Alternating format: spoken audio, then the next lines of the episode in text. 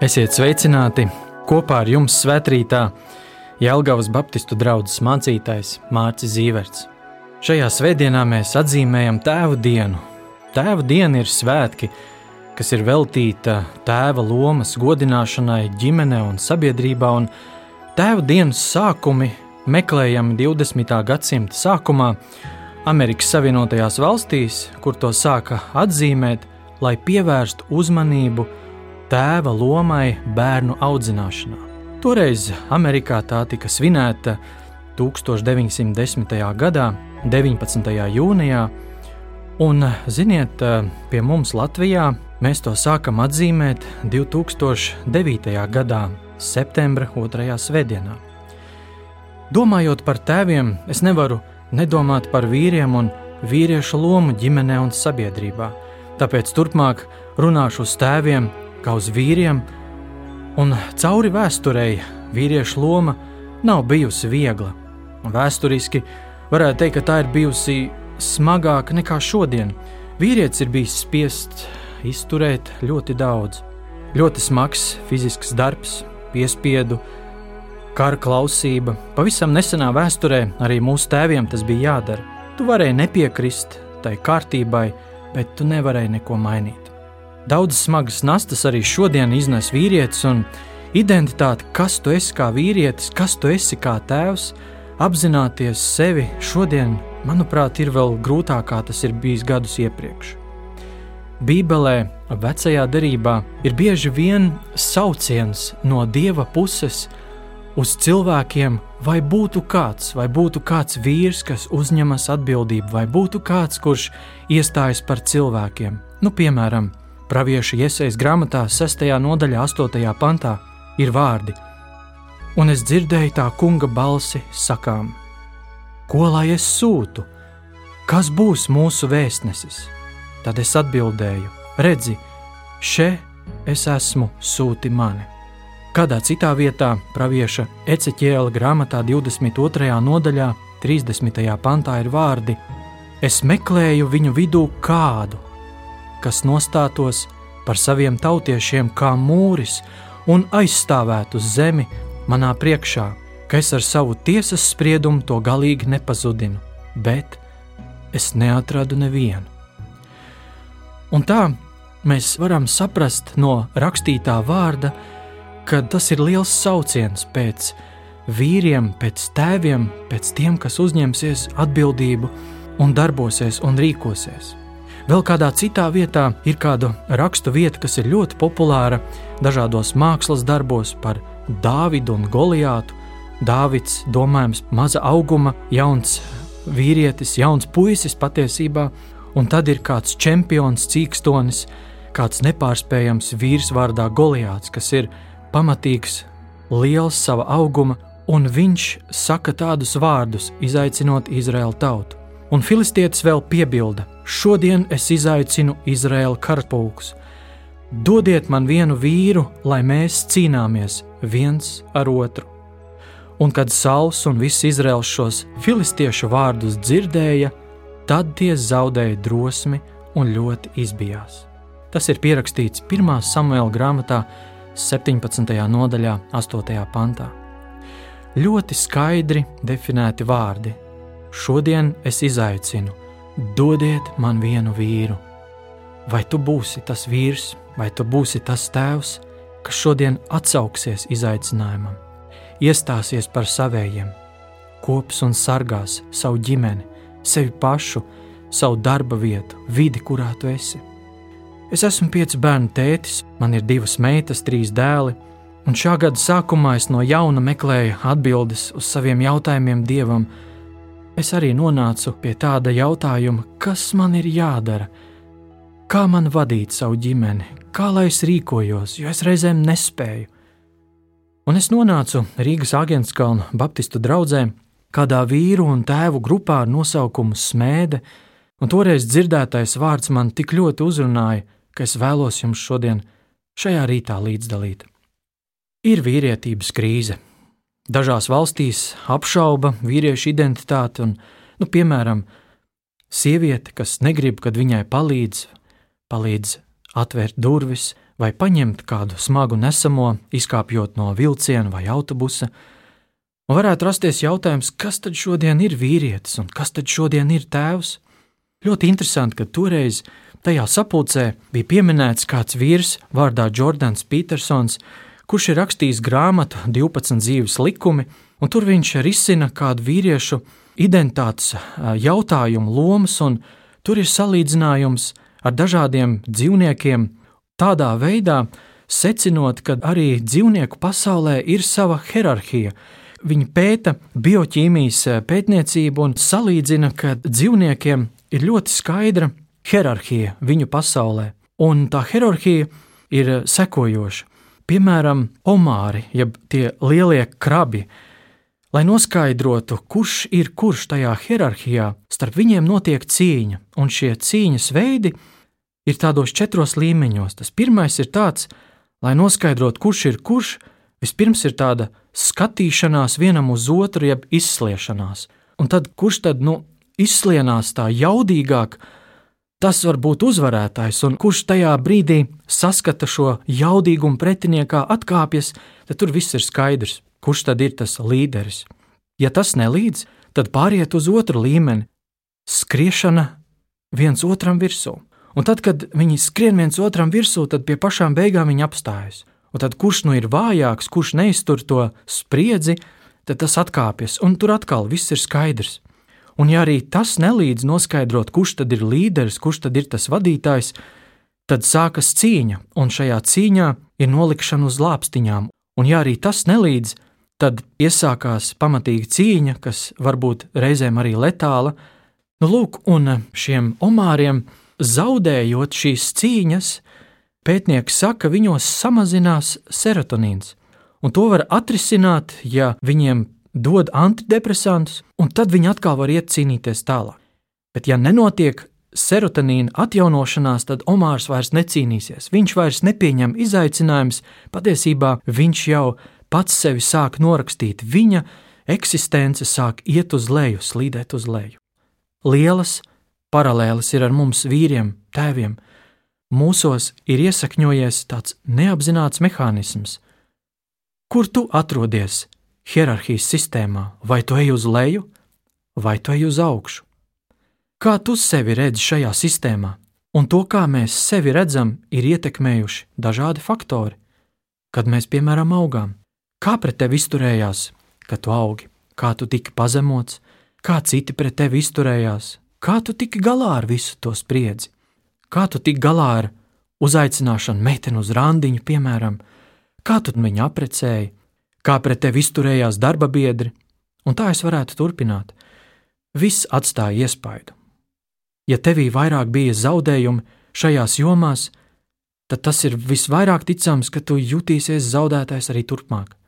Ja vīri sāk zaudēt ticību ilgtermiņa uzvarām, visticamāk, tad vīri, tēvi, nododas dažādām atkarībām, sevis žēlošanā. Kas ir vienkāršas lietas, ko tu varētu darīt? Disciplinē sevi, kas tev palīdz iztaisnot muguru, kas tev varētu palīdzēt. Iet tālāk uz priekšu, kā vīram, kā tēvam vadīt savu ģimeni. Mēs varētu teikt, gulēšana, veselīgs uzturs, fiziskā aktivitāte, kur tu sevi vari pārvarēt, piemēram, Es skrienu, es esmu ļoti pateicīgs savam draugam, kurš man reiz izaicināja, atnāc līdzi, paskriesim kādu gabalu. Un tad, kad es paskatos uz to laiku atpakaļ, es tik ļoti priecājos, jo katru reizi, atgriežoties mājās pēc neliela skrējiena, es ticu, ka es esmu kaut ko uzvarējis, esmu sev pārkāpis pāri. Kādi citi cilvēki dodas agrā rītā, piemēram, peldēties, un es dzirdēju no kādiem saviem draugiem teicienu, ka augsts ūdens tev vienmēr iespārda. Tas palīdz iegūt uzvaru. Tu iztur to, izrāpies no ūdens ārā, zini, ka tu esi pārkāpis sev pāri. Ar to pamainās man ķīmija galvā, un tu vari svinēt mazu uzvaru. Kur tu vari iztaisnot savu fizisko un garīgo stāju? Tas nav tikai pareizi ēst un gulēt, un fiziski darboties, vai nodarboties ar sportu vai fizisko kultūru. Un tad no šīs vienkāršās četras lietas, ko gribu jums eh, līdzdalīt, un proti tā pirmā lieta, kā tu vari sev fiziski un garīgi atjaunot, pirmā lieta ir uzņemties atbildību. Caur Ādamu ienāca grēks. Ādams zaudēja savu atbildību un sāk vainot dievu un sievu. Vēlos jums lasīt, kā tas tur notika. Tad, kad Ādams bija grēkojis, viņš ir paslēpies, un arī viņa sieva Ieva ir paslēpušies. Un es lasīšu no pirmās mūzes, trešās nodaļas, no 9. pantu uz priekšu. Un Dievs tas kungs sauca cilvēku, sacīdams: Kur tu esi? Tas atbildēja: Es dzirdēju tavu balsi dārzā, un mani pārņēma bailes, jo es esmu kails un es paslēpos. Bet Dievs sacīja: Kas tev ir teicis, ka tu esi kails? Vai tu neesi ēdis no koka, no kura tev aizliedzu ēst? Un cilvēks sacīja: Tā sieva, ko tu man devi, lai viņa būtu ar mani, tā man deva no tā koka, un es ēdu. Un Dievs tas kungs sacīja sievai: Ko tu esi darījusi? Un sieva sacīja: Tā čūska mani pievīla, un es ēdu. Āmen. Mēs ļoti skaidri šajā tekstā varam redzēt, kā cilvēks pēc cīņas atkāpjas, zaudē, un viņā ienāk vainošana, bailes, kauns, slēpšanās, un ilgtermiņā cilvēks to arī dara, izvairās no atbildības un sākas lēnām lejupslīde. Paldies Dievam par to, ka Viņš mīl cilvēku un neiznīcināja. Viņš nepagriez cilvēkam muguru, jo šeit ir rakstīti vārdi, ka Dievs iet un meklē Ādamu. Viņš saka, kur tu esi?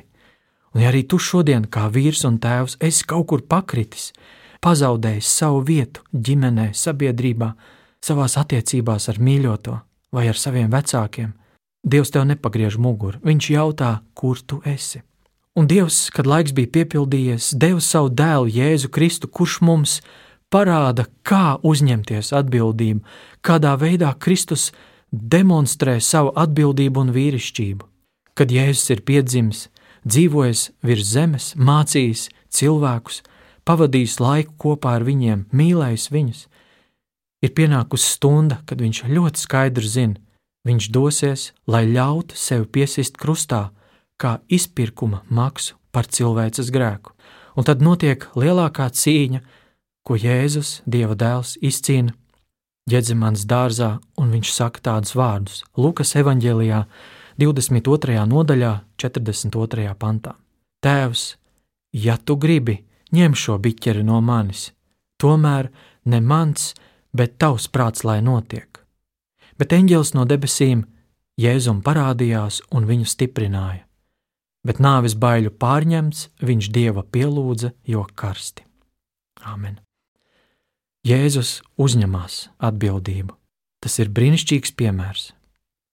Mēs varētu uzdot jautājumu, caur ko atnāk īstais dzīves piepildījums - naudu, caur varu, slavu vai varbūt baudu.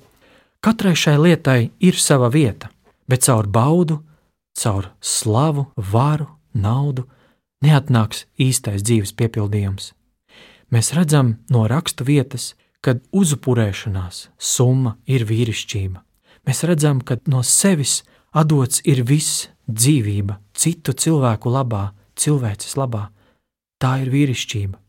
Tas nav par to, kas man patīk, bet tas ir par to, kas ir vajadzīgs maniem bērniem, manai sievai, manai sabiedrībai. Ja tu esi baznīcā gājējis, kas ir vajadzīgs tavai baznīcai, tavai draudzē.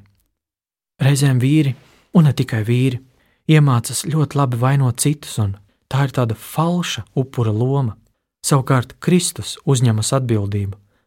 Tā nebija Kristus vaina, lai viņam būtu jāmirst, bet viņš iet uz krustu, viņš iet uz krusta nāvi, lai uzņemtos atbildību un izpirktu vainu, cilvēces vainu. Un paliek liels jautājums, ko es kā tēvs varu darīt, lai būtu labāk, ko es kā vīrs, jauns vīrietis vai es kā jaunietis, ko es varu izdarīt, lai būtu labāk. Tātad pirmais punkts ir uzņemties atbildību, otrs ir uzņemties vadību. Uzņemoties vadību, tu iegūsi cieņu, nebaidies kļūdīties. Ziniet, mūsu sievas grib, lai viņām tev nav jāatgādina, kas tev ir jādara. Vismaz manā ģimenē tā ir. Ir kāds piemērs, sieva kārtējo reizi nāk pie vīra un atgādina viņam, mīļais, lūdzu, iznes nokaltušo eglīti. Vīrs dusmīgs atbild un saka, ja teicu, ka izdarīšu, tad izdarīšu, nevajag man katru mēnesi atgādināt. Tā tad uzņemties vadību. Ja ir problēma, tad tu pasaki, es to atrisināšu. Reizēm varētu likties, ka tu risini šīs lietas, ka tu izskaties pēc reāla muļķa. Neviens cits to nedarīs, neviens cits pat iespējams tā nedarīs, kā tu to dari, bet zini, uzņemies vadību. Cilvēks var izdarīt ļoti daudz, ja viņam ir vienalga, kurš par to saņem uzslavu. Katru reizi, kad tu pasaki sev, es to izdarīšu, kādu darbu savu bērnu labā, es to izdarīšu, kādu darbu savas sievas labā, savu kolēģu labā vai savas draudzes labā, tu izcīni mazo uzvaru. Tu stiprinies ilgtermiņa uzvarām. Ja tu piedzīvo uzvaras, ka tu uzņemies atbildību, uzņemies vadību un izdari kādas lietas, uzupurējoties, tu piedzīvosi uzvaru, tavs serotonīna līmenis pakāpsies uz augšu. Es arī lietoju sociālos tīklus un Un bieži skatos, man ļoti uzrunā tie ieraksti, kur cilvēki ir palīdzējuši citiem cilvēkiem. Es saglabāju tos, kur parādās cilvēka līdzjūtība, uzupurēšanās. Varbūt tur ir kāds, kas varēja to nedarīt. Viņš varēja pabraukt garām, viņš varēja nesamaksāt, viņš varēja neapstāties, viņš varēja nepalīdzēt, un tomēr apstājās, samaksāja kāda vietā, nepabrauca garām, palīdzēja. Viņš deva no sevis kaut ko īpašu, savu laiku, savu uzmanību, savu enerģiju, savu talantu, naudu vai savu radošumu. Tā ir atbildības uzņemšanās. Tā ir vadības uzņemšanās. Tātad mēs esam nonākuši pie trešā punkta. Nebaidies arī pieņemt lēmumus.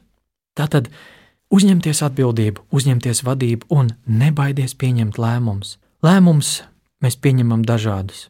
Ir lēmumi, kas ir egocentriski lēmumi, kas ir vērsti uz mums pašiem, uz to, ko mēs vēlamies, uz to, kas baro mūsu vēlmes, kas baro mūsu miesu, kas baro mūsu pašus, bet ne par tādiem lēmumiem es domāju. Nebaidies pieņemt lēmumus, kas nav egocentriski, kas nav tādi, kas patīk tikai tev, un tu domā, kādu labumu tu no tā gūsi.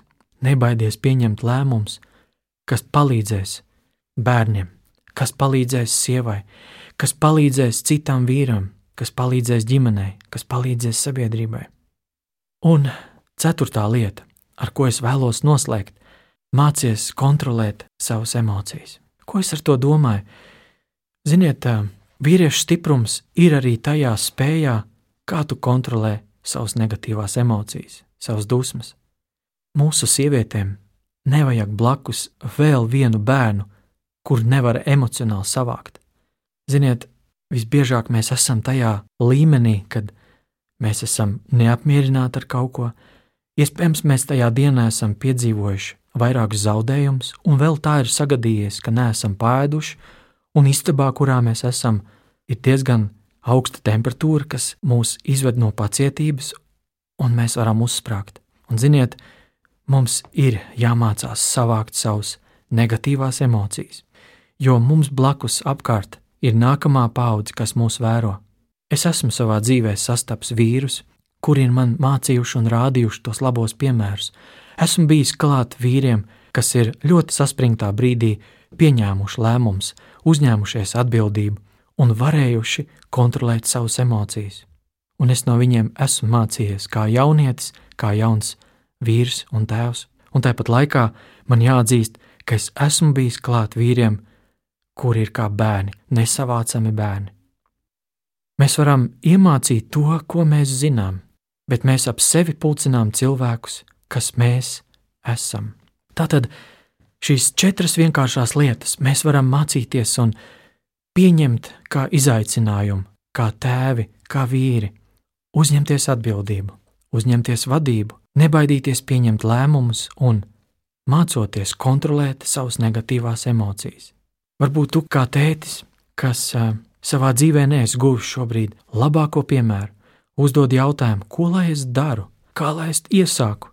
Es gribu tev teikt dažus piemērus. Varbūt tu esi šobrīd tādā posmā, ka tev ir bērns vai vairāk, un Iespējams, ka tu esi pamudināts lasīt viņiem priekšā kādu pasaku.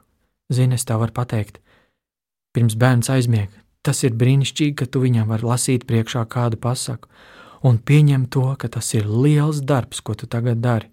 Varbūt tavi bērni dodas ārpus klases nodarbībās, un tad viņiem ir kādi pasākumi, kur viņi sporto, kur viņi atrāda savus radošos darbus. Es tev varu pateikt, dodies viņiem līdzi, pavadi laiku ar viņiem kopā, sāc ar mazumiņu, esi viņiem līdzās. Ziniet, Bībelē vairākās vietās pat Dievs Tēvs sūtīdams savu dēlu Jēzu Kristu šeit virs zemes, atgādina viņam, sakot no debesīm: Tu esi mans mīļais dēls, uz tevi man ir labs prāts. Es gribu noslēgt šīs rīta pārdomas ar kādu stāstu par ziloņiem, ko es dzirdēju. Proti, kādā apdzīvotā vietā, pieņemsim, ka tā ir Āfrika, jo es zinu, ka Āfrikā ir ziloņi. Tur ir savaļas ziloņi un paaugstināts malu medniecības dēļ, daudzus izšāva dārgā ziloņa kaula dēļ. Tad notika kādas pārmaiņas jaunajos ziloņos, un viņi sāka kļūt agresīvi. Viņi uzbruka vietējiem iedzīvotājiem, viņu ciematiem, un nevarēja saprast, kas notiek, jo parasti tā nebija. Tad sanāca kopā cilvēki, notika apspriede, un secinājums bija sekojošs: Nav veco ziloņu, kur ir izšauti ziloņkaula dēļ, Nav veco ziloņu, kuri rāda piemēru, kas ir jādara, kā ir jādzīvo, kā ir jāvada dzīve. Un kādu tad piemēru vecie ziloņi rādīja saviem pēcnācējiem? Viņa ēda zāli un kustināja ausis. Un ko tad vēl viņi varēja darīt? Un, ziniet, tad atveda citus vecos ziloņus no citām vietām un nolika blakus jaunajiem, lai viņi varētu vērot vecos, lai viņi varētu būt vienkārši līdzās un skatīties, jaunie vērot vecos. Un ar laiku šī problēma atrisinājās. Tēvi, jūs to variet. Jūs variet dot labo piemēru dzīvē, labo piemēru ticībā, pazemībā. Tātad uzņemieties atbildību, uzņemieties vadību, nebaidies pieņemt lēmumus un mācies kontrolēt savas emocijas. Jums izdosies! Jēzus Kristus vārdā. Āmen! Ar jums kopā šajā svētkrītā bija Jēlgavas Baptistu draugs mācītājs Mārcis Zīverts.